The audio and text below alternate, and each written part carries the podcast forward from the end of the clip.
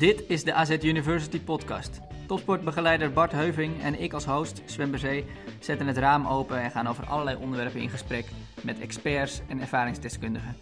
Leren door naar elkaar te luisteren dus. En dat ligt in het verlengde van het idee achter AZ University. Create your own success. Wij geloven in groei en ontwikkeling, ongeacht leeftijd en ervaring.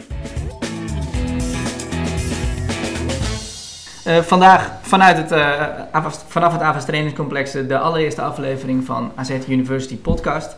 We gaan het vandaag hebben over mentale weerbaarheid. En ja, dat is een onderwerp wat eigenlijk altijd actueel is. Maar misschien door recente uitingen in de media van verschillende topvoetballers nu nog ietsje meer. openhartige topsporters die iets zeiden over hun mentale gesteldheid. Um, en we doen dat, we gaan het hebben over mentale weerbaarheid met niemand minder dan Jan van Halst. Uh, Jan, onwijs leuk dat je hier bent. Uh, hoe gaat het met je ten eerste? Ja, goed, dankjewel. Ja, gaat heel goed. Gaat heel goed. En uh, ik vind het ook leuk om hier te zijn, sowieso hier bij, bij AZ. ik kom er niet zo heel vaak natuurlijk, maar wel veel over gehoord. En wat leuk dat jullie zo'n university hebben opgezet. Dat betekent ook de creativiteit die bij AZ heerst om binnen, de, binnen alle beperkingen dan toch weer iets op te starten. Wat ja, te maken heeft met kennisdeling. En dat, dat gaat over weggeven van kennis. Nou, dat, uh, dat zien jullie. Ja, dat is mooi. Precies. Ik ben heel benieuwd over het onderwerp. Ja, exact. Uh, nou, een onderwerp waar jij natuurlijk ook wel, uh, wel, in, wel in thuis bent. Uh, ja, veel mensen kennen jou vanzelfsprekend als ex-prof voetballer. en natuurlijk als analyticus op tv. Hmm. Maar wat niet iedereen misschien weet, is dat jij tegenwoordig ook een, een eigen bedrijf hebt. van, van baas naar coach.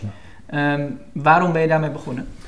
Nou, dat is eigenlijk um, een samenkomst van uh, zeg maar mijn voetbalcarrière. Waarbij ik, uh, als ik daarop terugkijk, ik was natuurlijk niet de allerbeste voetballer. Ik heb wel heel veel uit mijn carrière gehaald om uh, uiteindelijk bij Ajax terecht te komen. Um, maar toen was ik eigenlijk ook al een soort van coach in het veld. Ik moest goede mensen om me heen verzamelen. Ik moest zorgen dat het team goed draaide. En dan kon ik ook goed meedraaien. En, na mijn voetbalcarrière ook diverse leidinggevende functies gehad. En daar was ik ook een generalist. Ik was geen topfinancier, ik was geen top um, commerciële man. Um, maar ik, ik, moest ervoor zorgen dat ik goede mensen om me heen verzamelde, zodat dat team ging lopen en dat dan verbinden aan elkaar. Nou, mijn laatste periode bij Twente was een, uh, was een hele moeilijke, pijnlijke periode met de degradatie en nou, heel veel um, uh, politiek eromheen, heel veel druk. En, en dan heb je het over jouw bestuurs, uh, maar, maar directiefunctie. Ja, sorry. Ja, ja, ja. Um, nou ja, dat, en, en toen kwam het punt dat ik dacht, ja, wat, wat vind ik nou eigenlijk leuk om te doen? Dacht ik, ja, ik vind het leuk om mensen te ontwikkelen, talenten beter te maken, zich daarop te wijzen, ze daar bewust van te maken. Dus ik had er al uh, wat, wat, wat over, heel veel over gelezen, wat, wat opleidingen gevolgd, ook uh, opleiding um, neuromarketing. Dus ik ben heel erg geïnteresseerd, hoe werkt dat nou in het brein, hè? waarom mensen zo reageren zoals ze reageren. Zijn ze zich daar wel bewust van? Wat doe je dan eigenlijk allemaal onbewust? Wat doe ik onbewust? Nou, allemaal dat soort dingen is echt heel erg leuk. Uh, zonder in het hele, ik noem het maar, in het hele softer terecht te komen. Dus het moet wel een beetje concreet zijn. Ik moet wel over kunnen dragen, want anders uh, ja, ben ik niet mezelf. En, en, wat is het softer dan? Nou ja, de, ik bedoel, je kan bijvoorbeeld, ik ben medite mediteren, daar, dat, dan kom je een beetje in de zachte kant. He, hele diepe yoga, ben ik ook wel eens voor uitgenodigd. Ja, dat heb ik geprobeerd, nou dat ligt mij niet. Bijna spirituele kant. Ja, bijna, bijna richting die spirituele kant. Dus uh, wat, wat ik wel respecteer, hè, als mensen daar uh, steun aan hebben, dus dat, dat vind ik prima. Um, dus ik ben daar een bedrijf voor begonnen, uh, uh, vooral gericht op bedrijfsleven, want daar heb je ook heel veel teamontwikkeling, leiderschapsuitdagingen, wat ook heel veel te maken heeft met, met, met gedrag. Hoe, hoe breng je gedrag over? Hoe gedraag je jezelf als leidinggever, maar hoe gedraag je ook binnen een team?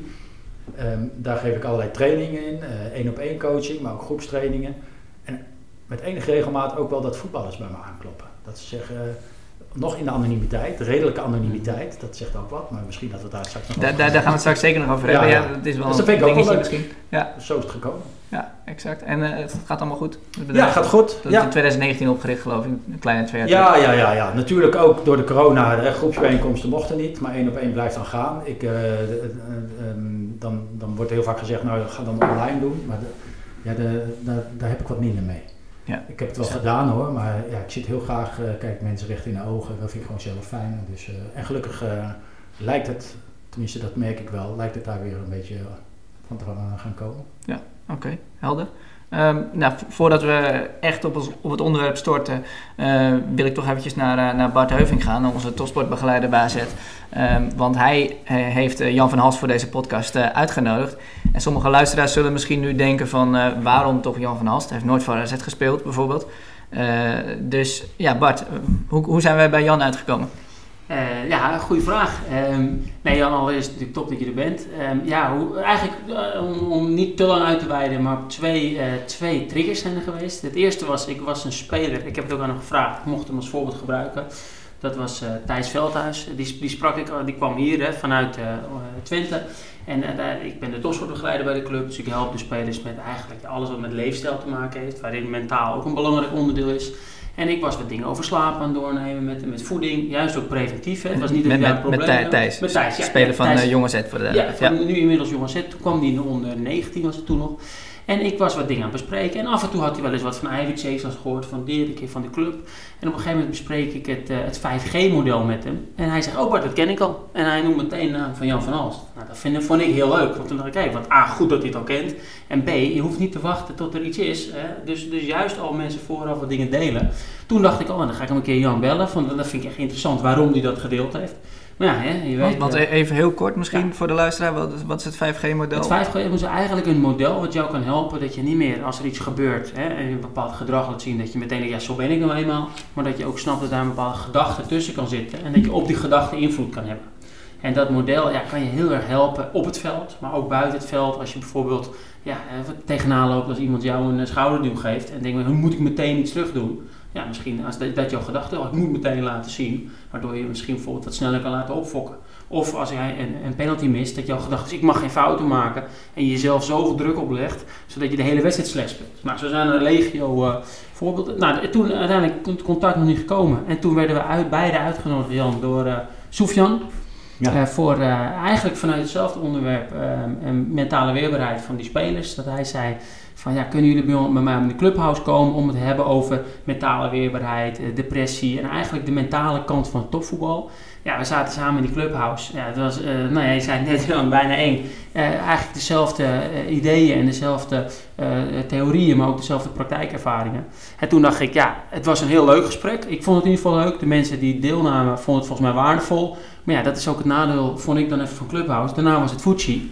En toen dacht ik, ja, wat zou mooi zijn als we in ieder geval een deel van dat gesprek um, ja, in, in een podcast kunnen doen. Want ik denk dat gewoon veel uh, spelers, maar ook denk ik mensen in het bedrijfsleven of anderen, wat aan die kennis kunnen hebben.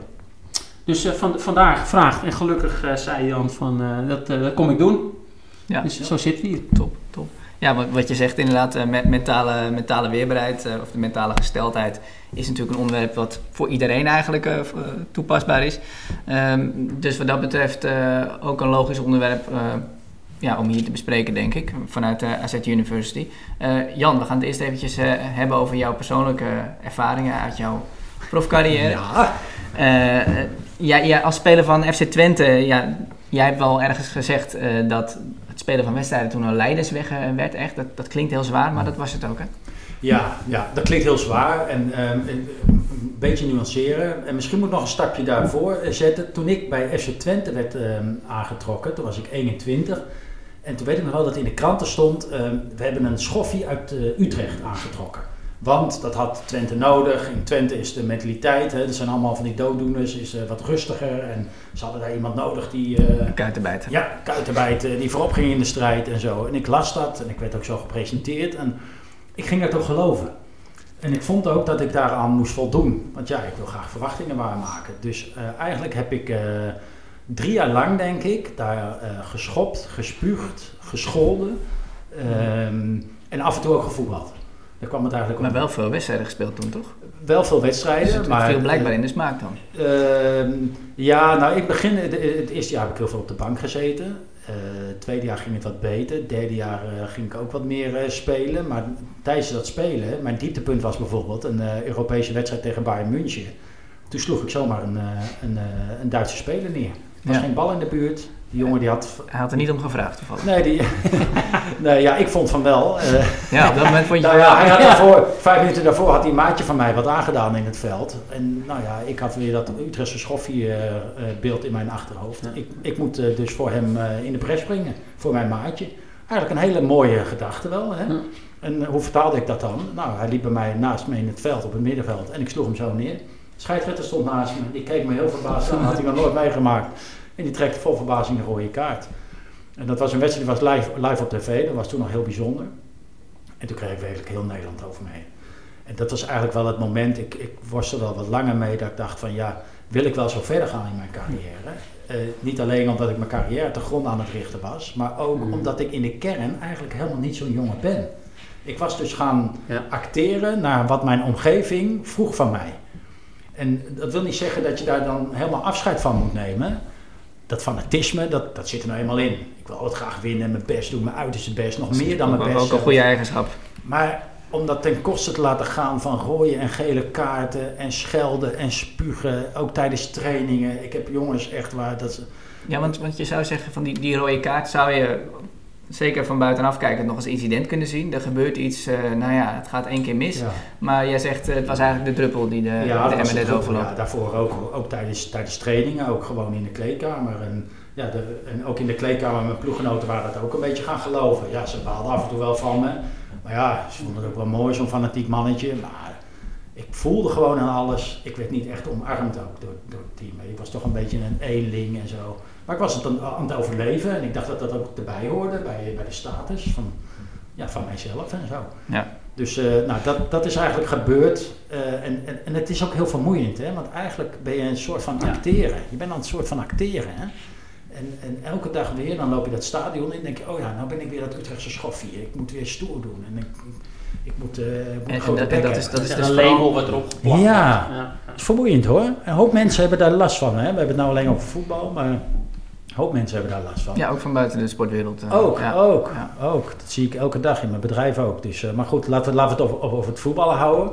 En toen dacht ik, ja, maar hoe kan ik dat nou gaan veranderen? Want ja, in die, eh, en dan maak ik eigenlijk een klein bruggetje naar, naar Bart, hoe dat dan bij AZ hier gaat. Daarom vind ik het ook zo mooi dat er hier bij AZ dus blijkbaar aandacht voor is.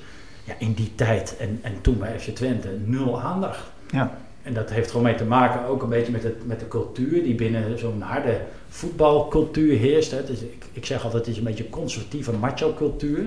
Beetje overdreven hoor, ik chargeer daarmee een beetje. En we, we hebben het dan nu in dit specifieke geval over de jaren negentig. Ja, was, ja, was misschien toen nog 90. erger dan, eh, dan nu, dat weet ik ja. niet. Maar, Maar het is tegenwoordig ook nog wel een beetje hoor. Want kijk, het feit dat jij aangeeft van, joh, ik worstel Mhm. hiermee in mijn brein, hè, want het is een mentaal iets. Ja, dat wordt al heel goud stempeltje van, eh, oh, ja, je bent dus zeker niet zo sterk. Hè? En ja, die kwetsbaarheid tonen, dat, dat wordt door, eh, door de groepsdruk of nou, sowieso door de omgeving, wordt dat, ja, is eh, ik voel nog steeds dat er angst heerst om, dat, om je daar openlijk voor uit te spreken. Je ziet dan ook vaak dat ze buiten de club hulp gaan zoeken. Terwijl dat is Ja. eigenlijk de eerste taboe doorbrekend al. Gewoon iemand in de club waar je het mee kan doen. Dan maak je het ook al wat normaler. Ja, En terwijl het helemaal niet slecht is dat je hulp zoekt, juist goed. Maar een of andere manier buiten de club, omdat het toch nog ook inderdaad nu wel soms het gevoel is van... Ja, k- eh, mag dit wel? Of kan dit wel? Of zit me dit niet in de weg? want je, je, Bart, jij, jij werkt natuurlijk al jaren bij AZ. Dat heb jij ook zien gebeuren dan met spelers die dan eh, buiten de club, het hoeven geen namen te noemen uiteraard, maar eh, Ik heb het hier gezien, maar ik heb het voornamelijk gezien dat in de krant opeens inderdaad leest eh, iemand die er vooruit komt een jaar daarna en dan teruggeeft. Hè. Eh, ik heb hier eigenlijk al heel lang last van gehad, maar er nooit wat over gezegd. Dat vond ik zo mooi in het verhaal van Jan, dat hij dit omschrijft, eigenlijk hoe hij het net weer omschrijft, maar dat hij zelf vervolgens gaat denken, hé, hey, daar zijn ook oplossingen voor en daar ga ik mee aan de gang. Ehm, en, en, en, en waar Jan net aan refereerde met, met hier binnen, ja, wat wij, juist omdat wij weten dat het meespeelt bij sommige jongens, maar er niet over willen hebben, doen we een workshop over zelfspraak. Nou, daar komt het 5G-model in naar voren. En voor sommige jongens, die horen dat verhaal. En ik pak een videootje van LeBron James, waarin hij dingen zegt over labels. En dat hij daar, hè, dan, eh, zegt hij op een gegeven moment een quoteje, mensen labelen, wat hij rip those labels off. Nou, daar moest ik meteen net, aan, toen jij dat vertelde, aan denken. Ja, als je dat al in een, in, in een workshop van de zelfspraak bespreekt, niet iedereen snapt het meteen. Niet iedereen heeft er meteen wat aan. Niet iedereen heeft meteen zoiets van, eh, kan het dan? Maar een aantal jongens denken, hé, hey, ja, daar heb ik eigenlijk ook last van. En ik ga toch eens op Google intikken 5G. Of, eh, hey, of ik loop nog eens naar Bart. Of ik vraag eens aan mijn maatje van, hé, hey, wanneer heb jij dat dan? En een andere jongen die, die zoiets heeft van, ik heb hier niks mee te maken. Maar over twee jaar daarna opeens denkt, hé, hey, ik heb inderdaad zo'n gebeurtenis dat ik ben hier de, de, de, de kuitenbijter. Of je bent de creatieveling. Dat is ook een label wat sommigen dan krijgen. Denk dan moet ik alles creatief doen. Die denken dan terug, hé, hey, in twee jaar geleden heb ik dat 5G-model. Ik loop eens naar Bart of ik loop eens naar Jeroen, wat nu ook topsportbegeleider is. En daarmee haal je dat taboe er eigenlijk vanaf. door het al preventief in ieder geval gewoon bespreekbaar te maken. Ja, ja precies. Eh, Heb jij, heb jij zo'n persoon ooit gehad eh, toen jij een jonge speler was binnen de, binnen de clubs waar je gespeeld hebt? Nee, waar je bij nee. terecht kon? Nee, zeker niet, zeker niet. Ik durfde het ook niet eh, bespreekbaar te maken, hè, vanuit die angst zoals ik net eh, eh, beschreef. Maar ja, ik, ik wilde er ook iets van weten en ik vond het ook heel erg interessant. Dus ik ben eh, boeken gaan lezen, boekjes gaan zoeken. Maar voordat je dan een boek hebt, weet je wel, dat je hem Mhm. echt aanspreekt. En, en voor de duidelijkheid, dat, was het moment dat jij al zocht naar verandering Ja, voor jezelf. Ja, ja. Ik, ik had echt die drang. En, en, want ik was ook moe. Ik was echt moe Ja. ook. Voor dat, eh, Ja, dat heb ik gelezen. Je was niet moe na een training, wel na een wedstrijd, tijdens een wedstrijd Ja, eigenlijk. ja, ja. Toch heel gek. Heel gek is dat. Dan had ik nog meer extra die spanning. Want ja, door de week was ik gewoon, eh, kon ik vrij trainen. En eh, ja, ik kon wel drie keer per dag trainen. joh. Ik was berensterk man, halverwege de twintig. Eh, maar ja, tijdens een wedstrijd was ik na een half uur helemaal kapot. Echt hele verzuurde bovenbenen en zo. En ik, ja, ik begreep daar niks van. En in het begin onderga je dat. Hè? Je denkt daar niet over Mhm. na. Je denkt, ja, het is een wedstrijd. Dus En je, je je besprak het misschien met de fysieke trainer? Of, ook niet. Ook nee, niet. Nee. ook niet. Nee, ik durfde het niet. Liever niet je zwakte Nee, nee, nee, nee, want dan, zou- oh, dan zouden ze misschien kunnen zeggen, ja, je moet harder trainen of eh, weet je wel. Maar Mhm. ik, ik merkte gewoon, het zit ergens in mijn hoofd. Want ja, mijn machine, mijn lichaam was gewoon top getraind, dat wist Ja. ik. Ik, ik, ik. ik was zo super fit. En dan kan het niet zo zijn als je check gewoon daar kijkt dat je niet anderhalf uurtje vol kan Mhm. houden op een zondagmiddag. Dat kan niet, dat is raar. Er was geen hoge tempo, ja, misschien tegen Ajax een keer. Maar verder, ik had het ook thuis tegen RKC op woensdagavond, weet je. Het sloeg helemaal nergens op. Ook met 3000 man op de tribune, hè. Dus eh, ook Ja. daar kan geen... Ik denk, dat is raar. Er, er is iets in mijn, in mijn spier, in mijn hoofd, zo noem ik het altijd maar. Hè, want de rest van de spieren train, train je allemaal, hè, met krachttraining, met conditie, met traptechniek. Maar die spier in mijn hoofd, daar, daar is iets mee. En eh, ik keek er ook met een glimlach eigenlijk wel naar hoor. En ik dacht, nou, dan ga ik eens even in verdiepen. En nou, dan ben ik boeken gaan lezen daarover. En wat gebeurt er dan in dat kopie daarboven bij mij? Dus je hebt jezelf eigenlijk volledig daartoe gezet Ja. om, om je te gaan verdiepen in het Ja. onderwerp en wat er nou precies mis ja, was. ja, dat was de aanzet. En later, dan ga je dat ook bespreken met wat... Mhm. Omdat, je, omdat je, ja, je wordt, ik werd er echt vrolijk van. Dat ik denk, verrek, wat leuk man, om, om, dit, om dit te ontdekken bij jezelf. En, eh, en dat past totaal niet bij mij, hè. Want echt nogmaals, wat Bart ook zegt, ik had een label, jongen, op die kale kop van stoer en onverzettelijk, gevoelloos bijna. Dat Ze vroeg aan mijn vrouw wel eens, is die thuis ook zo, joh? Weet je? Ja, dat was helemaal het stempel. Terwijl ik in, van binnen helemaal niet zo ben. Ik ben heel gevoelig en heel erg... Ik hecht heel erg aan de omgang met mensen en dat iedereen het leuk heeft binnen het team. Maar toen eh, acteerde ik heel anders. Ja, En, exact. en, en stel nou, hè, want dat, dat, ik vind het echt mooi wat jij zegt. Ik had dat ervaren, maar ik was ook leergierig en ik ging erover lezen. Ehm, stel nou in een parallel universum is er ook een Jan van Helst. Alleen die ziet zijn brein niet als een spier, maar die ziet zijn brein als een soort van black box die nou eenmaal zo is. Ja, dan krijg je dus dat een speler denkt, ja, zo ben ik nou eenmaal. En het eigenlijk gaat wegstoppen en niet, en of het nou lezen is of met mensen in gesprek. En dan kom je eigenlijk, drijf je als het ware steeds meer af. En dat is zonde. En dat is zo zonde. Ja, nee, ja, dat, daarom vind ik het echt... eh, Ja, jij hebt je eigen carrière kunnen redden, Jan, maar Ik was zal niet afgegleden, voor dat iedereen, weet ik 100% zeker. ja, Ik was afgegleden. En dat is de reden dat ik ook als mens me eh, dusdanig heb kunnen ontwikkelen. Ik ging relaxen die wedstrijden spelen. En eh, ik kwam uiteindelijk op mijn dertigste nog bij Ajax terecht. Wat eigenlijk met mijn kwaliteiten heel vreemd was. Maar ik, ik, ik was zo vrij in het spelen. En daarnaast kreeg ik ook ruimte om daardoor met anderen binnen een team eh, ja, die te helpen. ehm meer die coach hè, meer. Dus Ja. ja. daardoor heb ik echt die, die stap kunnen zetten. En waar zat nou door, voor jou dan de oplossing in? Want alleen een boek lezen, ja, er is iets wat je bent tegengekomen of meerdere dingen die je bent tegengekomen. Tools die je uiteindelijk... De grote winst zat hem in, hè, als ik dan even samenvat de, ehm, eh, uit dat boek. Hoe heb ik mijn onbewuste gedrag, al mijn, mijn gedachten, hoe heb ik die bewust kunnen maken? En welke momenten, hè, als je hem dan heel specifiek maakt naar die zondagmiddag, waarin ik dus helemaal verzuurde en vastliep. Ja, ik, ik ging naar die wedstrijd toe en blijkbaar, ehm, eh, nou het was dus eigenlijk zo, als om half drie dat fluitje ging van de scheidsrechter, dus ik was vlak daarvoor het veld opgelopen in dat stadionnetje, het oude Diekman nog, weet je wel, dacht ik alleen maar aan mijn omgeving. Ik dacht alleen maar, oh jee, hoe zullen ze reageren straks als ik mijn eerste foute paas geef op de tribune? En ik keek met schuin oog naar de perstribune. Ik denk, oh jee, hoe zullen ze straks eh, op maandag eh, schrijven over mij in de pers? Hoe zal mijn vrouw straks reageren in het spelershome? Hoe zal de trainer na afloop eh, tegen me tekeer gaan eh, als het fout gaat? Ik was alleen maar met Mhm. mijn omgeving bezig. En, en daarbij dacht je ook steeds dan van, ze verwachten dit van me. Ja, De bepaalde verwachting. voetballer, eh, Ja, als een rode lap dus eh, op een En- stier. Dus, maar die omgeving, daar had ik geen invloed op. Maar de- al deze gedachten die ik nou heel, eh, heel netjes opnoem, Mhm. Die was ik me totaal niet bewust van. Dus, eh, maar onbewust was ik daar dus mee bezig. En toen ik daarachter kwam, door het lezen van die boeken, dat ik denk, ja, dat denk ik dus steeds. In vergelijking met die trainingen door de week, hè. Ja. Maar daar had ik dat helemaal niet. Ik kwam nooit iemand kijken bij de training. Dan was ik gewoon lekker aan het, aan het trainen, aan het voetballen. En toen dacht ik, oké, dus dat moet ik veranderen. Hoe kan ik mijn gedachten zo krijgen dat ik op, ehm, eh, nou ik noem het altijd maar het donderdagochtendgevoel terugkrijg. Donderdagochtend zijn de leukste trainingen. Hè? Dus, eh, in het begin van de week heb je vaak conditietraining. Nou, daar was ik ook niet zo fan van. Maar ja, dat moet nou eenmaal. Vrijdag train je een beetje tactisch. Vond ik ook saai. Maar donderdag deden we een partijtje. En de afloop nog afwerken op doel. En dan was ik echt het schooljochie weer. Zoals ik ooit als klein jochie was begonnen. Die vrolijkheid. Ik denk, hoe krijg ik dat gevoel nou weer terug?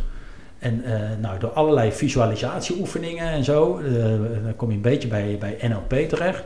Ehm, ja, kreeg ik dat op Ja. zondag dus ook terug. NLP staat voor eh, neurolinguistisch eh, programmeren Ja, natuurlijk. ja. Of natuurlijk, dat zal misschien niet iedereen dan eh, weten. Ik heb toevallig in een interview van jou gelezen. Hm. Ehm, wat houdt het precies in? Nou, dat is dus bewust worden, om het maar even voor mezelf simpel te maken. Bewust worden van je eigen gedachten. Wat, hè, hoe, ben jij, hoe, hoe weet jouw neurobrein daar bovenin?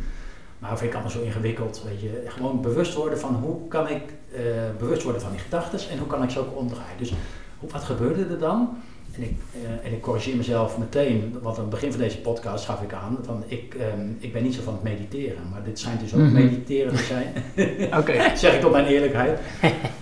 Ehm, ik ging dus een, eh, een uur voor de wedstrijd ging ik in een hokje liggen in het Diekmanstadion, want dat had ik in dat boek gelezen en ik vond eigenlijk helemaal niks. Hè. Dan Ik lag je in de bezemkast? Of ja, ja, ja, ja, ja, letterlijk. Een van de donker, Ja. donker kastje en zo. En, eh, en heel af en toe kwam er iemand binnen daar. En dan zagen ze mij daar liggen. En ik denk, oeh jee, Jan is niet lekker geworden of zo. Weet je? Maar ik lag er met mijn ogen dicht. En wat deed ik daar? Dan ging ik de donderdagochtendtraining naspelen. Waar ik zoveel lol had gehad. Waar ik in het partijtje drie keer had gescoord. Ik rook het gras. Ik hoorde die jongens weer zeggen, oh, goede bal kalen. En weet je, allemaal dat, Mhm. dat, soort, dat, dat filmpje ging weer in mijn hoofd spelen. En dat gevoel, na een half uurtje deed ik dus mijn ogen open. Nou, ik ging de warming-up in. En met dat gevoel nam ik mee in de wedstrijd. En dat, dat lukt niet alle minuten hoor. Dus in het begin duurde dat, lukte dat een kwartiertje tijdens de wedstrijd. En in week twee duurde het een half uurtje. En na twee maanden zeg maar, ja, had ik gewoon een wedstrijd gespeeld. Dacht ik, "Ah, ik was eigenlijk heel relaxed deze wedstrijd. Ik kon het goed volhouden en zo. En dan eh, hoefde ik niet meer een half uur van tevoren of een half uur in die bezemkast te liggen. Nee, ehm, nou, na een jaar zeg maar, dan deed ik gewoon even mijn ogen dicht in de kleedkamer. Dan keek ik even naar beneden, naar mijn voederschoenen. En dan ging ik heel even kort die donderdagochtendtraining naspelen. Dus het was, was een proces wat geleidelijk... ja, je- ik sleep dat een beetje in mijn, in mijn hoofd. Ja, exact. En dat is echt leuk. Ja, dit- niet alleen denk ik, le- ja mooi zeg, want het is zeker leuk, maar ook gewoon dat, dat visualiseren. Dit is misschien ook wel wa- wat je vaak terugziet in de praktijk, is we zijn uren aan het trainen op conditie, we zijn uren in het krachtboek bezig, we zijn uren tactisch.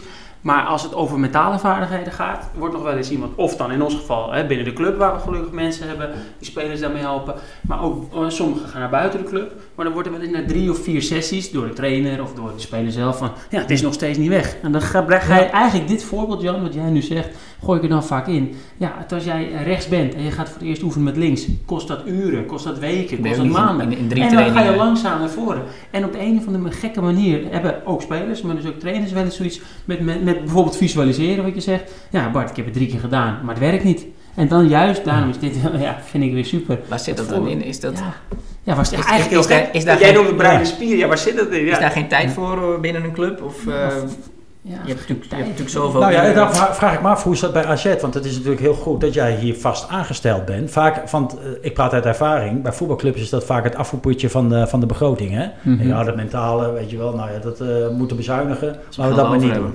En ehm, daardoor, door, door iemand daarvoor echt aan te stellen, hè, we hebben het nou over Mhm. mentale, Ja.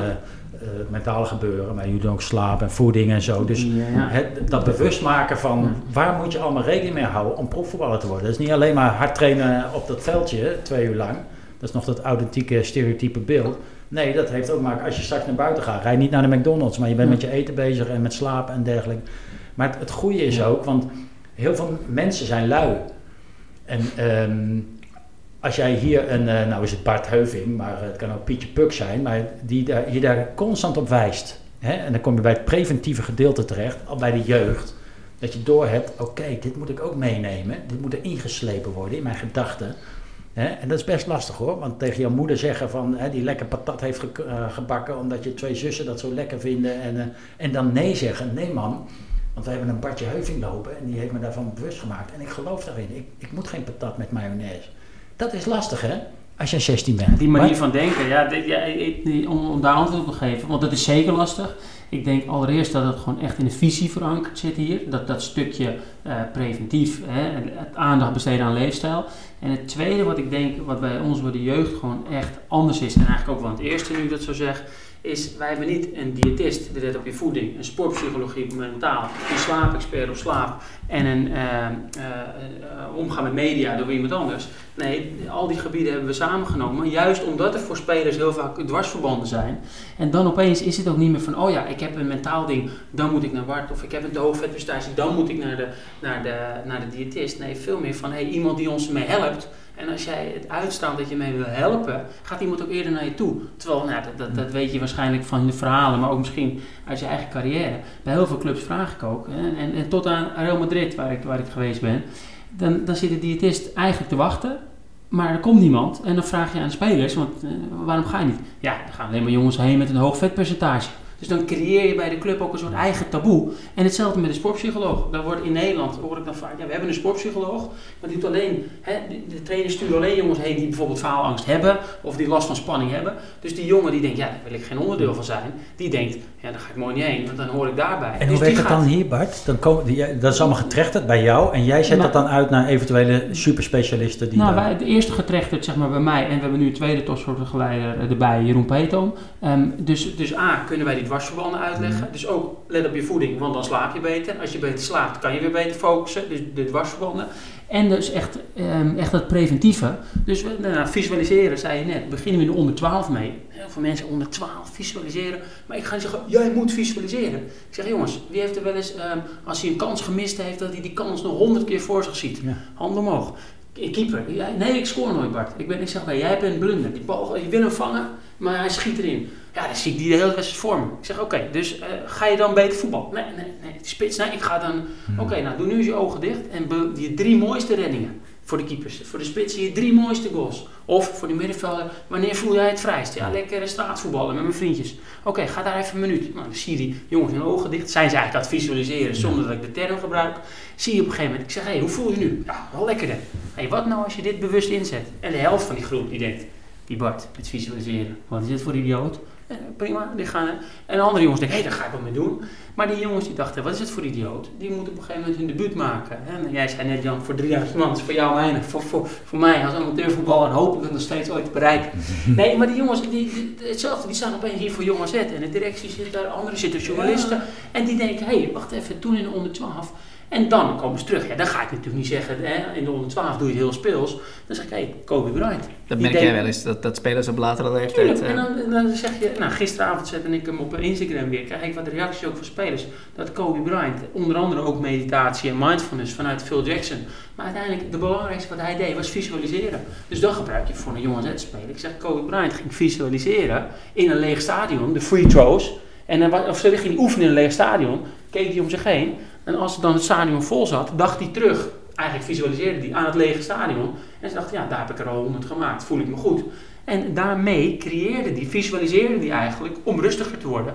Van Nistelrooy, ooit gesproken toen hij hier was voor de TC1, die schijnt het andersom gedaan te hebben. Die visualiseerde bij de training wel eens om zichzelf op te hypen, alsof er een stadion om zich heen was.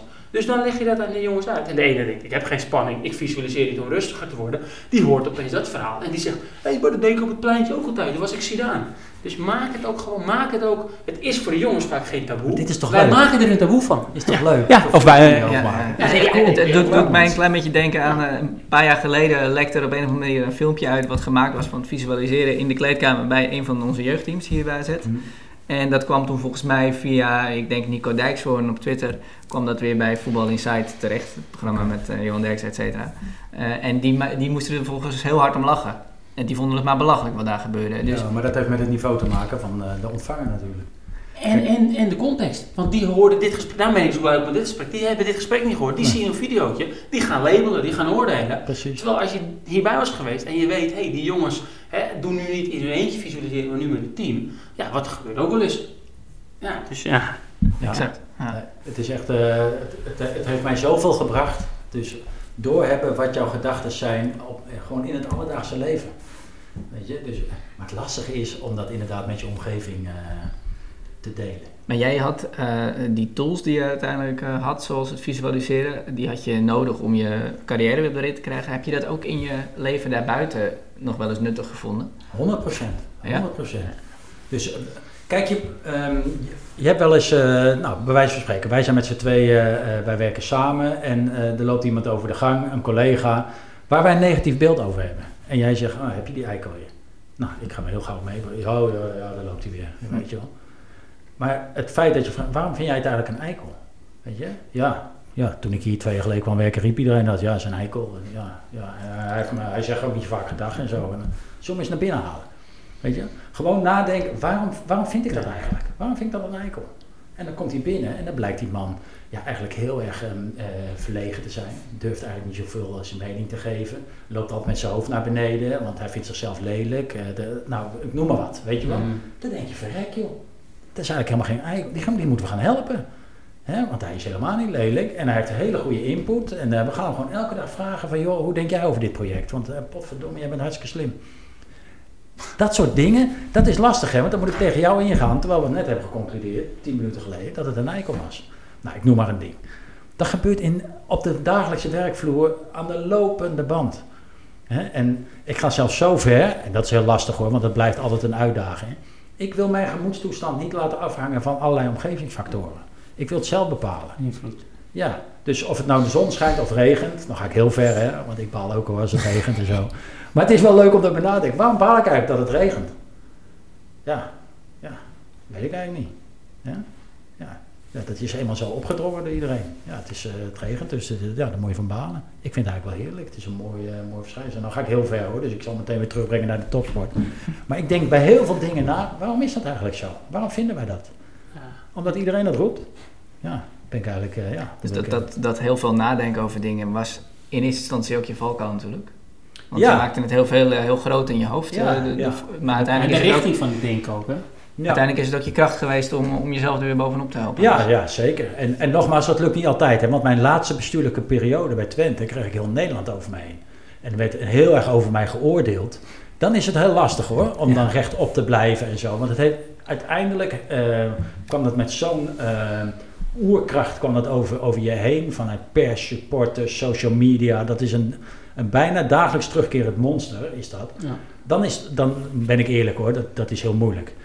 Ehm, Je maar zat ook goed. niet bij de makkelijkste club eh, op dat moment. Nee, nee, nee. Nou ja, goed. Dat, eh, maar goed, het, het, het, het gegeven was zo dat, dat, dat het allemaal over, over mij heen kwam. Dan is het heel makkelijk om te zeggen, oh, ik pak even dat boekje erbij van de 5 G's. Eh, de tweede G is de gedachte, hè, want de 5 G's staan voor een gebeurtenis, de gedachte. Je krijgt daar een gevoel bij. Dat zorgt voor jouw gedrag en uiteindelijk heeft het gevolgen. Dat is, dat is zeg maar helemaal uitgelegd, de 5 G's. Ja, dan is dat heel mooi gezegd. Hoor je, pak dat boekje van de 5 G's even bij. Maar als je gewoon lekker in je vel zit en al een voorbeeld die Bart net ook noemt, het is echt goud voor mij geweest. Ja, exact. Ah, en dit, daar moest ik net aan denken toen je zei die 5G. Of jij helemaal in het begin, Sven, van het gesprek zei jij van die 5G uitleggen. Dit is denk ik mooi, eh, nu in het gesprek. En, en Jan gooit ze er al goed in, dat zijn die vijf. En, en, het, en, en hetzelfde met een speler. Oké, dit is de gebeurtenis. Eh, een teamgenoot kijkt inderdaad met zijn hoofd omlaag. En jij zei net collega, ik maak even teamgenoot van met het hoofd omlaag. Als jouw gedachte is, hij mag mij niet, wordt jouw gevoel misschien een beetje boos. Wat wordt jouw gedrag? Nou, dan zeg ik even, ik mag jou niet. Gevolg, eigenlijk negatieve spiraal, nog ruzie. Stel nou, de, dezelfde gebeurtenis, hoofd omlaag, maar jouw gedachte is, hé, hey, zijn moeder is ziek. Voel je misschien medelijden met hem, gevoel, wat wordt dan je gedrag? Hey, is je moeder ziek? Balen man, kom we gaan lekker trainen. Nou, van, wat is dan het gevolg? Dat die jongen zegt, volgende keer als het bij jou gebeurt. Kijk, en dat soort dingen delen met spelers in dit geval, maar, of in het bedrijfsleven. Maar eigenlijk, da- daar ben ik zelf een groot voorstander van. Dit soort dingen ook delen op scholen. Dus ons topsportontwikkelingsprogramma juist ook Ja. onderdeel maken van, van eigenlijk Uitstekend van- voorbeeld dit. Ja, dat- Echt een Jippe Janneke voorbeeld. dat- En dat, dit maakt iedereen mee. En dat is echt leuk. En dat, dit, leuk. ik heb het een beetje vanuit de clubhouse van die man die toen inbrak. Die gaf dit voorbeeld, maar dan met, even met een relatievoorbeeld. Omwille van thuisfront gooi ik die er nu niet in. Ja. Maar hij zei ook zoiets vergelijkbaar. eh, en, en toen zat iedereen ook van, ja, nee, heel logisch wat hij zegt. Maar soms is het heel logisch en besteden we er dan geen aandacht voor. Hm. Terwijl het is logisch, maar het is niet makkelijk om, eh, om te doen. Nee, precies. Ja. Als, als ervaringsdeskundige op het gebied van er mentaal eventjes eh, n- niet goed weet waar je aan toe bent en dan jezelf weer bovenop helpen. eh, zie jij als je bijvoorbeeld voetbal kijkt of het voetbal van dichtbij volgt, herken jij dan ook wel eens jezelf in een speler? Of is dat heel moeilijk van buitenaf te zien of iemand uh, slecht in zijn vel zit? Uh, van de oude Jan van Halst of van de, de Jan van Halst na de, na de boekjes lezen en zo? kan allebei, maar ja. laat ik de oude Jan van Halst noemen. Ja, ja uh, um, jawel. Ik zie ze met enige regelmaat. Uh, zie ik ze nog wel eens nou, door beslissingen van scheidsrechters of zo. Dan zie je al die ogen groter worden. En um, ik, ik zie het met name, maar misschien chargeer ik daarmee ook hoor. Uh, we, hebben net weer, uh, we nemen dit op tijdens een Interlandweek. Uh, de Zuid-Europese kant, de Oost-Europese kant ook heel erg opgefokt. Ja, daar, hangt vaak het etiketje passie aan. Dus misschien dat zij dat ook wel van zichzelf Ja, ja, ja. ja als ze met die Italiaanse vlag op de borst spelen. Ja, nou ja, maar goed, eigenlijk daar wordt dus vanaf, vanaf je geboorte al, je moet gepassioneerd zijn. Dat vind ik prima. Maar als het ten koste gaat van het resultaat en dat je daardoor loopt te schelden, te tieren, vergeten voetballen, je normale niveau te halen, ja, is dat, is dat zonde natuurlijk. Is, is misschien Brazilië in 2014, het WK in eigen land, een, een voorbeeld daarvan, uh, die, die, zichzelf misschien wel helemaal gek hebben zitten maken en vervolgens met 7-1 geloof ik verloren van, uh, Daar van Duitsland. een druk op. Ik denk, uh, nou in het verlengde, ja, dat is wel een heel mooi voorbeeld. Verlengde daarvan, maar... Ja dat is gevaarlijk hè, om zo aan de buitenkant, uh, want dan doen we hetzelfde als, uh, als uh, al die, anderen. Maar Neymar heb ik daar ook heel vaak het idee bij. Weet je, dat, die, dat, dat is zo'n marketingmerk geworden door zijn omgeving, als zijn contracten en met zijn haar. En, die jongen kan zo goed voetballen. Ik zie het zo weinig van hem. Heel af en toe zie je weer van die fluiten dat je denkt, wauw, ja. Forceert hij zichzelf dan? Ja, dat idee heb ik vaak. Dat hij wil laten zien van, nou ja, iedereen verwacht wat van mij en ik ga het laten zien. En nou, dan zie ik hem weer huilend van het veld aflopen als hij weer uitgeschakeld is. Uh, de, de, laatste paar jaar is dat gebeurd. Dan denk ik, jeetje zeg. Jij bent niet meer dat jochie wat gewoon vroeger is gaan voetballen in Brazilië met vol plezier. Ja. Die verwachtingen. Ja, en, en Argentinië heeft dat, ja, tegenwoordig hebben ze Messi, maar voor Messi hadden ze natuurlijk iedere nummer 10 geloof ik werd vergeleken met Maradona. Ja. Dus uh, ja, of je nou Riquelme heette of uh, Aymar. Ja. De druk was enorm volgens ja, mij. Ja, ja, ja. En, en uh, nou ja, dat is eigenlijk een beetje wat ik net ook zei met mijn periode bij Twente. Daar heb je dat natuurlijk nog in het kwadraat ook. Die druk is natuurlijk enorm uh, uh, groot en hoog. En daarom is het juist zo goed om in de jeugd daar al mee bekend te worden. Dat je dan op dat moment, hè, als je wat ouder bent, dat je denkt... Oh, wacht even, ja, hier heb ik het al, dit herken ik. Dit heb ik toen ik 15 was al een keer gehad. En toen vond ik het eigenlijk allemaal niks. Maar ja, ja nee, daar kan ik wel op teruggrijpen nou. En of het daarmee helemaal 100% um, overgaat, ik denk het niet. Maar in ieder geval uh, helpt het je. Ja. Je denkt, oh ja, dat heb ik toen gehad. En toen was er een of andere, nou ja, we zitten hier nou toevallig, een of andere Bart uh, Huppelepup of zo heette die. Ja, die was daarmee bezig. Ja, dat was wel goed, ja. Ja, oh ja, nou dan, weet je, dan kan je daarop teruggrijpen. Daarom is het ook zo goed dat je dat al heel vroeg daarmee uh, in aanraking komt. Zoals hier bij de jeugd. En je noemt net het onderwijs. Eigenlijk moet in het onderwijs ook... Wat, wat denk je wat pesten doet? Op de schoolpleinen. Het onbewust pesten met non-verbale communicatie. Dat is een sloper van de eerste orde. Maar dat durf je ook niet zo goed te zeggen. Weet je? Nou, om dat al bespreekbaar te maken, dus uh, Bart bij deze, de AZ University, moet het over het hele onderwijs Nederland uit gaan rollen. Nee, nee, dat, is, dat is uiteindelijk, nou, we het voorgesprek een beetje over hadden, dat is onze waarom. Gewoon kennis die in de topsport zit, en noem ik even hier topsport of in de jeugdopleiding. Ja, waarom delen we dat niet? En wij kunnen bij andere dingen heel goed van het onderwijs leren, maar uh, ja, dit is, toevallig hebben wij dit ontwikkeld, want dat is wel sport. Je komt in een beetje in de snelkookpan, ook die jonge ventjes die in de jeugdopleiding krijgen al meer aandacht. Dus hier zal, zal je het misschien op een jongere leeftijd doen, maar uiteindelijk daarin integreren. Ja, ik denk dat het super belangrijk is. Eén ding, Sven, wat jij zegt over het uh, vergelijken en dat labelen.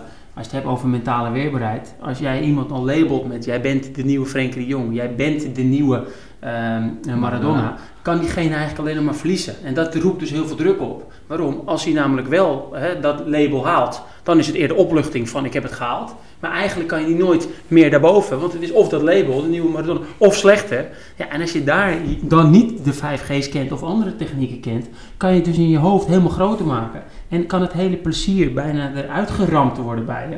En, en, en daarom is het denk ik zo belangrijk om die spelers dat uit te leggen. Maar dit stukje qua labelen, heel veel mensen labelen niet anderen omdat ze per se een hele slechte intentie hebben. Nee, zo zijn we gewoon, dat gebeurt. Hè, hoe vaak spelen ze wel niet in de Eredivisie compleet opgehyped worden als ze een paar goede wedstrijden hebben. Dan voelt het altijd van, hé, wat goed. Vervolgens gooien we ze op dat schild. Dan Kunnen sommigen alleen maar verliezen. Maar stappen ze vervolgens zelf, omdat iets niet gaat, een keer van het schild. Dan rammen we ze ook omlaag. Uh, Boadou zei dat laatst mooi in een podcast bij, uh, bij FC Afkikken. En dat ik echt dacht, ja, dat is... is, is daar moeten we ook um, ja, niet te veel aan meedoen. Dus je moet spelers uitleggen, maar ook deze discussie voeren met elkaar. Het ophypen. Ja, het voelt op dat moment altijd, ja, we helpen iemand. Maar eigenlijk, ja, je, je creëert bijna een hele diepe afgrond. Uh, en ik moet eerlijk zeggen, ik doe daar mee. Hè. Ik ben ook analist. Dus ja, dan, en ook vanuit enthousiasme. Dan denk ik, wauw, zeg, wat een goede speler. Moet je kijken, dit en dat. En uh, nou laat ik allemaal beelden zien. En ik zet er, hups, oké, meteen een label op. Dus ik doe zelf ook aan mee, hè. Op dat moment denk ik helemaal niet aan die jongen die, die ik bespreek. En andersom ook, hè? ook negatief. Ja, hè? Van, ja, wij doen er ook aan mee. Ja, ja, iedereen, iedereen zal er door geraakt worden. Ja, ja, Wat je zegt, maar, maar, sommigen misschien wel inderdaad. Maar dat ga je niet veranderen. De omgeving blijft zo. En dan, Wat kan jij zelf daarin in jouw kopje sturen? Als jij een labeltje krijgt, positief of negatief. hoe kan je daar zelf... En, en, jij hebt daar dus veel over gelezen. Ik wil, wil, sorry dat ik heel even inbreng, maar... Um, ja, Bart, Bart, leest heel veel, uh, ja. laat ik zo zeggen. En, en hij, hij, hij, is volgens mij benieuwd. Uh, nou, de, de, de, mooie, ik heb op een gegeven moment kreeg ik ook het label boekenwurm. En dan kan je zeggen, hey, hè, tegen vechten of je uh, stoïcijnse filosofie komt het, omarm dat. Dus ik ja. zei, ja, dat ben ik. Ja. En, en, en, toen dachten we in ieder geval, willen we in de University podcast altijd een rubriekje. Want het klopt, waarom ik veel lees. Ja, ik ben ook nieuwsgierig en wil mezelf ontwikkelen en andere mensen. En toen dachten we in ieder geval een rubriekje Um, uh, het, uh, het, het, boekenminuutje. Maar als jij één of twee boeken zou mogen zeggen tegen, over dit onderwerp, maar het mag ook over een ander onderwerp gaan, van ja, dat is echt een boek wat ik zou aanraden. Ja, dan kan in ieder geval de luisteraar daar wat uh, ja, ook actief mee aan de gang gaan. Oké, oké. Ja, dat, dat, is prima. Nou, ik, zal er, um, uh, ik, ik heb er twee. Eentje raad ik niet aan om te lezen. Want dat heb ik zelf ook uh, uh, deels gedaan. Maar dat was dus dat boek waar ik het over had. Wat ik als eerste greep toen ik zo midden, midden twintig... en ik worstelde met dat, met dat beeld wat ik net had. Dat was een boek van Anthony Robbins. Je ongekende vermogens. En dat is een hele dikke pil. Maar ik haalde daar... want in dat boek stonden ook allemaal praktijkvoorbeelden uit. Dus de theorie liet ik een beetje links liggen. Ja, af en toe bladerde ik daar een beetje naar. Maar ik had ook geen zin om die hele dikke pil door te werken. Maar die praktijkvoorbeelden, die filterde ik dan en die verplaatste ik naar mijn eigen praktijkvoorbeeld. Ik dacht, oh ja, daar, daar heb ik toen veel aan gehad. Maar goed, het was niet zo heel erg uh, leuk om te lezen. Het is niet bondig opgeschreven, maar... Nee. Maar ja, jij hebt er wel veel aan gehad natuurlijk. Ik heb er veel, wel veel aan gehad. Zou dus- van een ander eventueel ook kunnen... Ja, ja daarom. Daarom wil, daarom wil ik hem ook even noemen. Um, maar er is een, nog een ander boek en um, dat, dat gebruik ik ook in mijn huidige werk, heb ik die ook um, uh, gebruikt. En ik hou ervan om uh, A, het moet leesbaar zijn, dus het, mm-hmm. dat, dat vertelt ook het soort van roman is het. Maar uh, er komen eigenlijk, daarin worden de, de, drie kenmerken van de ideale teamspeler worden daarin uh, besproken, van Patrick Lencioni. En dat leest heel makkelijk weg, waarbij zeg maar um, meelopen in een bedrijf en heel gauw, en, en is dan een of andere directeur en die vertelt dan een lang verhaal kort, op, op basis van allerlei gebeurtenissen in dat bedrijf, komen ze dan tot de drie kenmerken van de ideale teamspeler. Dat is... Um, bescheidenheid, gedrevenheid en slimheid. Nou, dat zijn allemaal zijpaden in uh, te, te, bedenken, maar ik hou daarvan, omdat het, het is duidelijk, het is ja. kort en op basis daarvan kan je dan zeg maar weer uh, ja, de diepte induiken. Maar dat is wel heel leuk. Patrick Lencioni, die drie kenmerken van de ideale teamspeler, is ook heel leuk. Oké, okay, top tip. Uh, gebruik, gebruik je die ook, gebruik je deze tips ook wel eens bijvoorbeeld voor, voor je eigen bedrijf? Ja, zeker. zeker. Nou ja, ik, ik hou ook lezingen voor bedrijfsleven. En dan ja, zijn dit ook ja. makkelijke dingen om te mm-hmm. laten zien. En, je, en, mensen gaan ook meteen aan. Hè? Die gaan meteen denken, oh ja, maar uh, weet je wel. Uh, en, dan, en dan zeg maar, van die drie kenmerken is ook... Als je daarvan te hebt, je bent te bescheiden. Ja, dat is niet goed. Of te gedreven is ook niet goed. Te slim, hè? met slim wordt met name sociaal slim uh, bedoeld, is ook niet goed. Dus er moet altijd een juiste balans in zijn. En als je één van de drie niet hebt ja, dan ben je eigenlijk ook destructief voor het, voor het hele team gebeuren. Ja. Want als je heel gedreven bent, heel slim, maar totaal niet bescheiden, ja, dan op de lange termijn ja, word je dan ook uit het team gezet of zo. Weet je, dus het is echt leuk. Het is, uh, dus het is niet zo simpel als die drie kenmerken, maar er zitten allerlei dwarsverbanden bij en zo. Dus ja, dan ga ik. Uh, het is ook leuk om te lezen. Dus is heel leuk om te lezen. Ja. Ik gebruik het uh, nou, bijna wekelijks in mijn werk. Heel mooi, want, want dat is uiteindelijk. Mensen vragen ook wel eens mij, waar, waarom lees je nou zoveel? Want, maar uiteindelijk precies, je slaat mij het spijker op de kop. Je leest het, maar je leest niet om het lezen. Je leest het om het te kunnen toepassen. En dan helpt het wel als inderdaad in het boek, in in het eerste boek wat je zei, Anthony Robbins, zaten wel de praktische voorbeelden die eruit filterden. En in het tweede boek lees je het, zodat je het, eh, het, het- model als het ware kan gebruiken. Niet om mensen in dat model te persen, maar veel meer het model als hulp, hè, om, om ernaar te kijken. Ja, en ik weet dat in ieder geval in de goede tijd, laat ik het zeggen, van de Barcelona jeugdopleiding, eh, de- dat, zij, dat humbleness een van hun kernwaarden was. Dus, Ja. dus wat jij net zegt, en, en gedrevenheid natuurlijk ook, want ze wilden alles bereiken. En juist die combinatie en gedreven willen zijn, maar ook humble. Ehm, ja, ik, ik, ik lees al te veel, maar eh, de eerste had ik wel gelezen, die tweede nog niet. Dus die zal ik straks alvast bestellen. Die, die zet je op je Maar- lijstje, ja. Die zet ik erop. Maar ja, nee, hele, eh, klinkt namelijk heel goed. Ja, precies. Misschien een beetje een, om even direct terug te grijpen op het onderwerp van mentale weerbaarheid. ehm, ja, kan goede leiding in een team, waar jij toch ook wel verstand van hebt, uiteraard. Eh, kan dat de mentale weerbaarheid van het team, eh, van de mensen binnen dat team vergroten? 100 procent. 100 procent. En eh, dan, dan plak ik er eigenlijk nog, nog meteen eentje bij, dat is kwetsbaarheid. Dus als de leidinggevende het signaal ge- aangeeft, hè, mocht het niet aanwezig zijn binnen het team, hè, die kwetsbaarheid, dat dat normaal is. Dat het goed is om je kwetsbaar op te stellen en ook soms aan te geven dat je dingen niet kunt of dat je moeite hebt met dingen. En je merkt ook meteen dat dan het gesprek op gang komt. Ja. Ja, dat komt heel vaak van de leidinggevende vanaf. Dan draait maar eens om. Als dat binnen een team is, hè, en een teamspeler eh, die geeft aan, eh, nou, dat die, eh, Ja. geeft een kwetsbaarheid aan. En de leidinggevende zegt, ah, je moet niet zeuren, joh, moet even doorbijten en dan komt vanzelf goed. Ja, de volgende Ja, die denkt, nee, ik, ja. ik zeg helemaal niks Ja. meer. Dus alle bazen, directeurs en eh, bedrijfsleiders die nu luisteren, die, eh Ja, die maar zich ik vooral kom- openstellen ja. voor zwak, Ik kom er bijna dagelijks tegen hoor. Ja, ja, Maar, ja, ja, ja, dit is ja. echt zo leuk.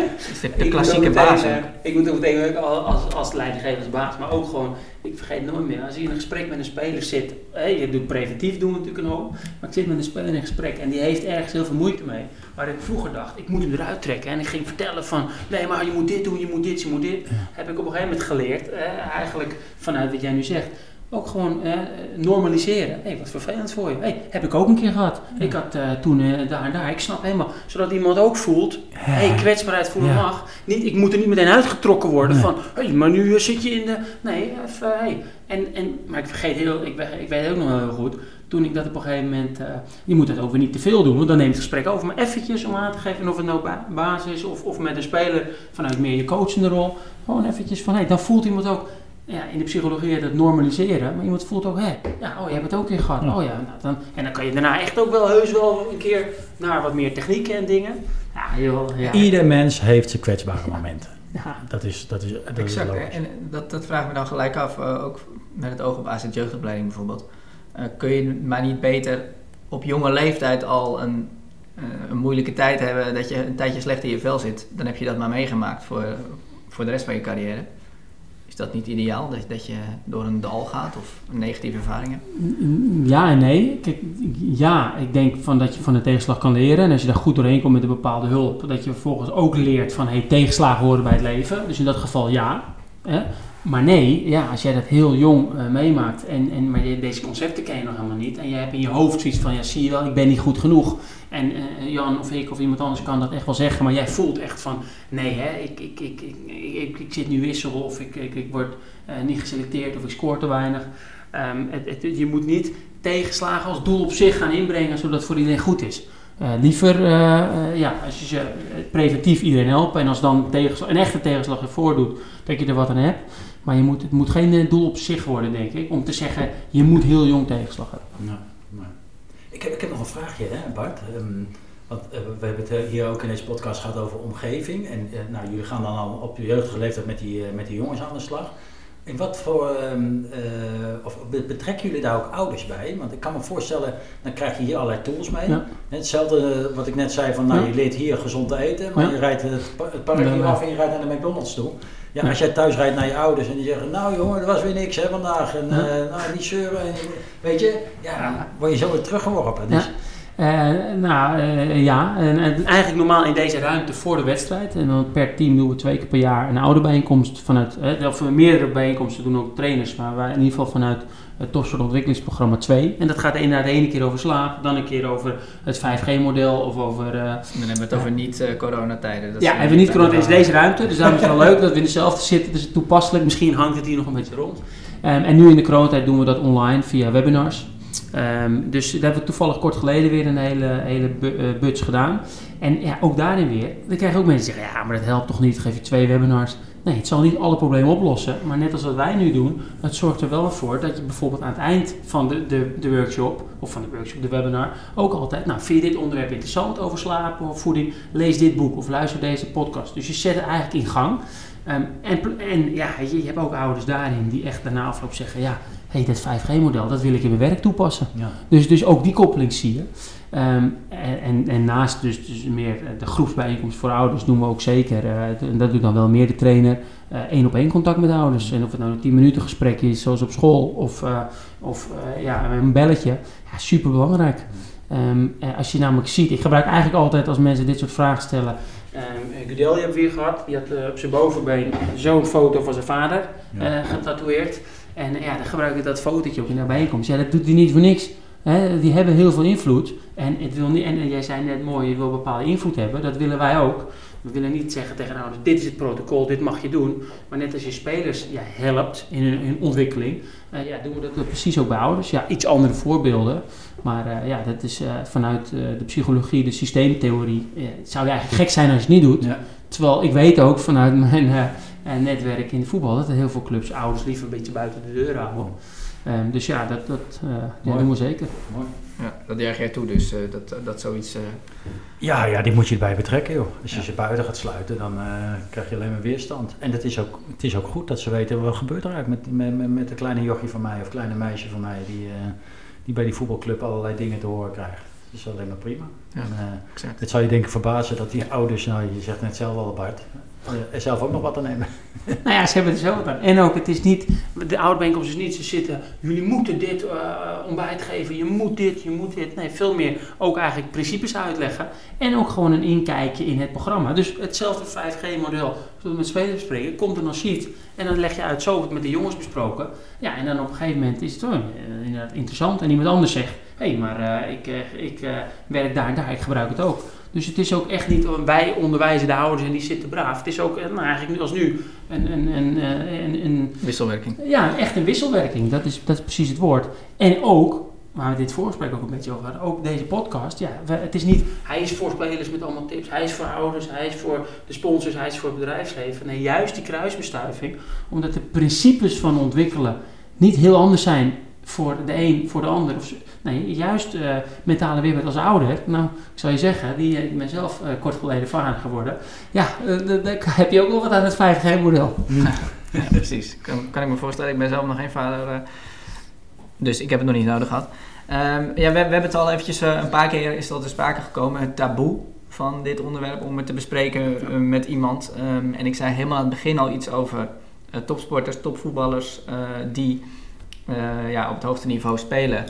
En ook niet zo lekker in een vel zitten. En daarmee naar buiten kwamen in bijvoorbeeld een interview. Ja. Ehm, ja, is het belangrijk dat dat soort jongens eh, in de media daar open, openhartig over zijn? Wat denk jij, Jan?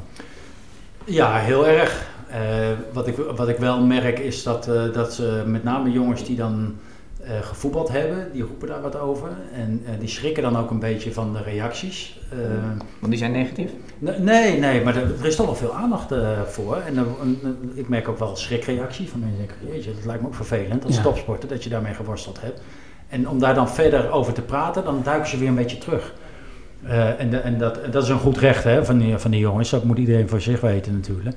Maar daardoor merk je wel dat er nog wel iets van een angst of taboe heerst van oeh, ja, ik heb het even geroepen, nou ben ik het kwijt, gelukkig. Maar Mhm. niet, niet- verder niet te veel, want ja, het raakt echt eh, ja, die spier in je hoofd. Hè, eh, of je hart ra- raakt het. Want ja, het zit echt wel diep. Het kan echt een sloper zijn. Dus het kan voor iemand, iemand die ermee naar buiten komt op die manier, al, al is het via de media, kan het ook helpen. kan helpen. Het kan ook therapeutisch bijna zijn. En je denkt, nou, dat, fijn dat ik dat even heb eh, gezegd. Ja. En Ja. nou ja, ik, ik, ik heb laatst ook, nou heeft een oude spits van Ajax en FC Groningen, Zeefuik, eh, Mhm. ging vertellen dat hij ja, heel veel last van had gehad. Dat hij ook door, door de media als eh, veel te dik en te zwaar werd bestempeld. Maar het bleek dus dat hij al jarenlang een stofwisselingsziekte had. Maar dat durfde hij niet te zeggen. En, eh, Dat was dan Gennaro C5 of? ja. Ja. Dat is natuurlijk dramatisch voor die jongen. Hij zegt, en, en, wat ik nog meest pijnlijker vond, dat zijn moeder, hij zegt, ik kon nog wel mee omgaan. Maar mijn moeder, waar ik van hou, En, en waar ik- die trots op mij was en zo, die, die zag ik echt, echt lijden. Ja, dat zijn slopende processen die jij in je appartementje samen met jouw Mhm. moeder maar moet verwerken. Je wil niet weten, weten wat dat, eh, wat dat eh, voor littekens achterlaat. En dat is natuurlijk ehm, eh, doodzonde. Ja, exact. Jij zegt, praat met een sportpsycholoog als je als voetballer problemen hebt. Dit, dit is misschien een probleem waar, wat je überhaupt met een psycholoog zonder het woordje sport ervoor kan bespreken. Ja, maar- ja, ja. Nou ja, ik, ik probeer het woord psycholoog al te vermijden. En dat komt gewoon doordat ik merk van... Mhm. Oh, dat beeld van eh, je moet op een of ander bankje dan gaan liggen... en dan zit daar een man met eh geitenwolle sokken tegenover je... of een lange witte jas zelfs. En zo. Allemaal dat soort ouderwetse beelden. Mhm. Maar ehm, daarom vind ik hier... eh, ja, ik, ik zit hier niet om jullie allemaal veren in je reet te douwen hoor. Maar ik vind het goed dat hij hier gewoon... eh, ik noem jou maar Bart een soort van vertrouwenspersoon... Hè? En, eh, en je bent ook een jonge gozer, dat scheelt ook wel. eh, dat ze denken, oké, als ik op dat gebied iets heb, dan kan ik gewoon naar Bart toe stappen als een soort van maatje. En ik, eh, ik leg dat gewoon op tafel. Nou, hij kan me met de eerste dingen helpen. Moet ik wat verdieping hebben, dan kan hij me ook nog aan wat specialisten koppelen. Ehm, dat, dat, die drempel die is daardoor wat lager. Exact. En inderdaad, als je vijf hokjes in een stadion bouwt, waar één hok zit een psycholoog in, de andere zit een diëtist in en de volgende weer. Ja, dat is heel lastig om zo'n hok in te lopen hoor. Dus het moet ook een soort van olie zijn binnen jouw hele club, CQ jeugdopleiding. Ja, en, en, en mooi dat je het zegt. En ook wel, eh, als je jong bent zeker, maar ook wij. Als wij een keer niet lekker voelen, weet je ook niet. Het ligt aan mijn voeding, het ligt aan mijn slaap, het ligt aan mijn Ja. focus, het ligt aan... Dus het is al moeilijk qua taboe om dat hockey erin te lopen. Maar laat staan dat je denkt, hé, welk hockey? Ja. Die hockey's hebben wij ooit doordat we verschillende studies hebben bedacht. Dat is de studie psychologie, dat is de studie diëtetiek, dat is de studie... Terwijl in het echte leven is het niet hokje, hokje, hokje. In het echte leven lopen al die dingen daar door elkaar heen. Dat zie je wat je nu heel erg, niet alleen hè, als het breder trekt dan alleen in de sportwereld, ook in de gezondheidszorg ziet. Die is daarvoor, die is daarvoor, die is daarvoor. En als je niet per se in een hokje valt, hè, dan, dan houdt het al op. Of als jij wel echt denkt, nee, het ligt echt aan mijn voeding. En je loopt bij iemand naar binnen, dan gaat die antwoord met oplossingen komen. Voeding. Ja. Die zal niet zeggen, nou, probeer het, misschien ligt het ook wel aan je slaap. Dus, dus vervolgens komen er heel veel adviezen. Terwijl, ik, ik wil niet zeggen de mens vergeten wordt. Maar het is veel makkelijker als je van al die dingen wat kennis hebt. Om gewoon nou, vanuit verschillende dingen te vragen. Ja, en ik, ik blijf het zeggen, eh, dat vond ik het mooie vanuit de clubhouse eh, van, van Soef die ons vroeg. Je merkt als het dan gezegd wordt door, door iemand, dat andere mensen ook herkennen. Hé, ja, dat, eh, oh ja, nee, dat heb en nu, eh, oh, nu herken ik het ook. Dat had ik ook. Oh, wat heb jij gedaan? Oh, dan ga ik het ook doen. Hm. Dus, dus dat normaliseren van, hé, ik ben niet de enige, ik ben niet gek, want anderen hebben het ook. Dat is één punt.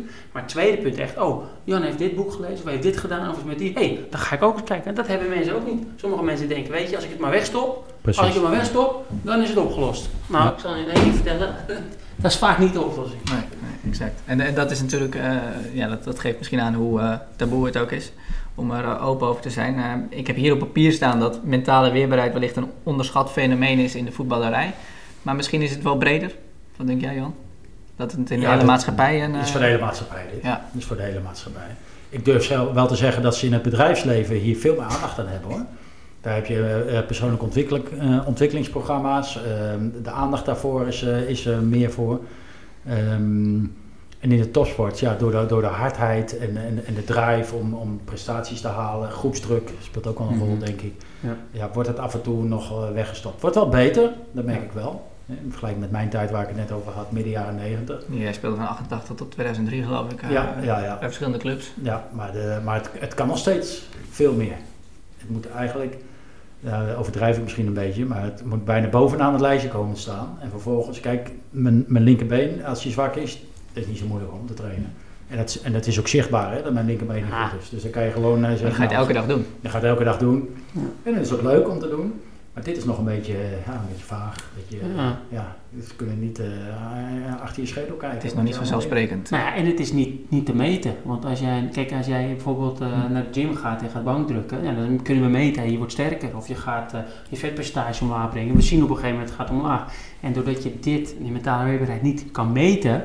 Hè, ik zeg heel vaak, een jongen kan het wel merken, maar omdat het niet gemeten kan worden, is het ook heel vaak, komt het ook een beetje onderaan de ladder. Want helaas, vind ik, kijken we heel vaak toch wel naar de getallen. En ik ben niet tegen getallen, zeker niet. Maar dit vlak zal je, ik denk, bijna nooit echt helemaal kunnen meten. Maar dat wil niet zeggen dat je het niet kan merken. Bijna elke sporter die ik ook spreek en je vraagt, eigenlijk jouw vraag. Wordt het onderschat? Zeggen ze ja, maar is het heel belangrijk? Zeggen ze ook ja. En eigenlijk als je dat van iedereen hoort, ja, dan zou het toch op een gegeven moment wel een belletje moeten gaan, uh, gaan rinkelen of het, of het kwartje moeten vallen. En ik denk wel echt dat het nu in een fase zit, uh, ja, waardoor het wel steeds belangrijker gemaakt wordt. En ook jongens daardoor gaan zeggen, uh, waar Jan echt een mooi voorbeeld van is, wat ze hebben gedaan. Ja, waardoor we, er komen mooiere tijden aan, laat ik het zo hm. zeggen. Ja, het zit in de lift, wat dat betreft. Oké, okay. nou ja, daarmee komen we ongeveer op het einde van deze, deze podcast aan. Jan, dan wil ik jou nog vragen voor de, voor de luisteraars thuis. Die, die zijn er van alle, alle soorten en maten. De een zal misschien in de voetballerij werkzaam zijn of zelf voetballen. De ander komt misschien uit het bedrijfsleven of het onderwijs. Stel, diegene wil aan zichzelf werken, worstelt misschien ergens mee. welke tip geef jij diegene dan mee? Of is er misschien ja, een breder overkoepelend iets wat je wil meegeven? Um, als je denkt dat je er bent, begint het pas. Dat is een mooie. Dus als je denkt dat je er bent? Begint het pas. Oké. Het gaat altijd door, ontwikkeling is altijd leuk.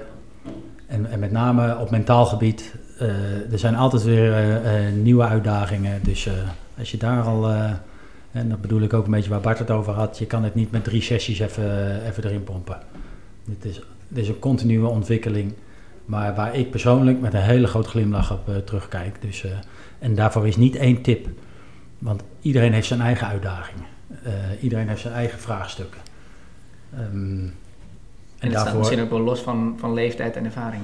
100 procent. En, en, en daarvoor is, um, is, uh, is die kwetsbaarheid waar ik het over had. Uh, en dan hoef je helemaal niet meteen ergens bij een bedrijf te komen of, uh, mm. of bij mij of bij Bart. Maar je kan ook bij een collega gewoon vragen. Misschien zit er wel iemand naast je aan de keukentafel. Dit gewoon een keer te, te zeggen. Ondanks dat dat binnen jouw gezin misschien niet besproken wordt. Gewoon dat, dat ik je zeg, joh, ik worstel hiermee. Ik heb hier last van. hebben jullie dat ook? Dat is toch, is toch leuk om dat met elkaar te doen. Gewoon doen. Gewoon doen. Gewoon doen. Nou, mooi hè? En die, uh, daar moet ik toch nog één ding zijn, want ik zie, hè, we, we, we gaan een afronding. Dat, dat, ik denk dat dat makkelijker is, die kwetsbaarheid tonen, als je niet denkt, hé, hey, ik, ik, ik ben nou helemaal zo en dit is mijn prestatie, is mijn identiteit. Maar als je denkt, hé, hey, mijn prestatie zegt iets op waar ik nu sta, mijn persoonlijkheid zegt iets waar ik nu sta in het leven en ik geloof dat ik kan ontwikkelen. Want als jij gelooft dat je kan ontwikkelen, is het veel makkelijker om kwetsbaar te zijn. Als ik geloof, hé, hey, je kan ontwikkelen, kan ik dan Jan kwetsbaar tonen. Hé Jan, wat vond je van deze eerste podcast? Maar als ik denk, zo ben ik, dit is helemaal vast. En eh, dan ga ik natuurlijk niet vragen, Jan, wat hij ervan vond. Want stel nou, hij vond het niet goed, dan uh, kunnen wij wel stoppen. Dus, dus om kwetsbaar te zijn, denk ik dat geloof ook in ontwikkeling, wat zeker in jouw quote zit, dat dat gewoon heel erg uh, helpt uh, ja, om ermee aan de gang te gaan. Ja. Ja, dus dat lijkt een ander onderwerp, maar het hangt stiekem met elkaar samen. Precies. Misschien wel niet zo stiekem. Ja. ja. Nu nog stiekem. Nu nog stiekem, ja. Oké, helder. Nou, daarmee komt uh, ja, de allereerste uitzending van uh, de AZ University podcast tot een eind. Uh, hartelijk bedankt Jan van Halst uh, voor jouw komst uh, naar Zaanstad. Graag gedaan. Vond het erg leuk. Dankjewel. Succes hè, met de university. Ik ga het volgen. Dankjewel. Dat, dat is goed om te horen. En voor de, voor de luisteraars thuis die het ook willen blijven volgen. binnenkort zijn we er met een, een volgende podcast. En ja, hou voor meer AZ University events de social media en az.nl in de gaten. Voor nu een fijne dag en hopelijk tot snel.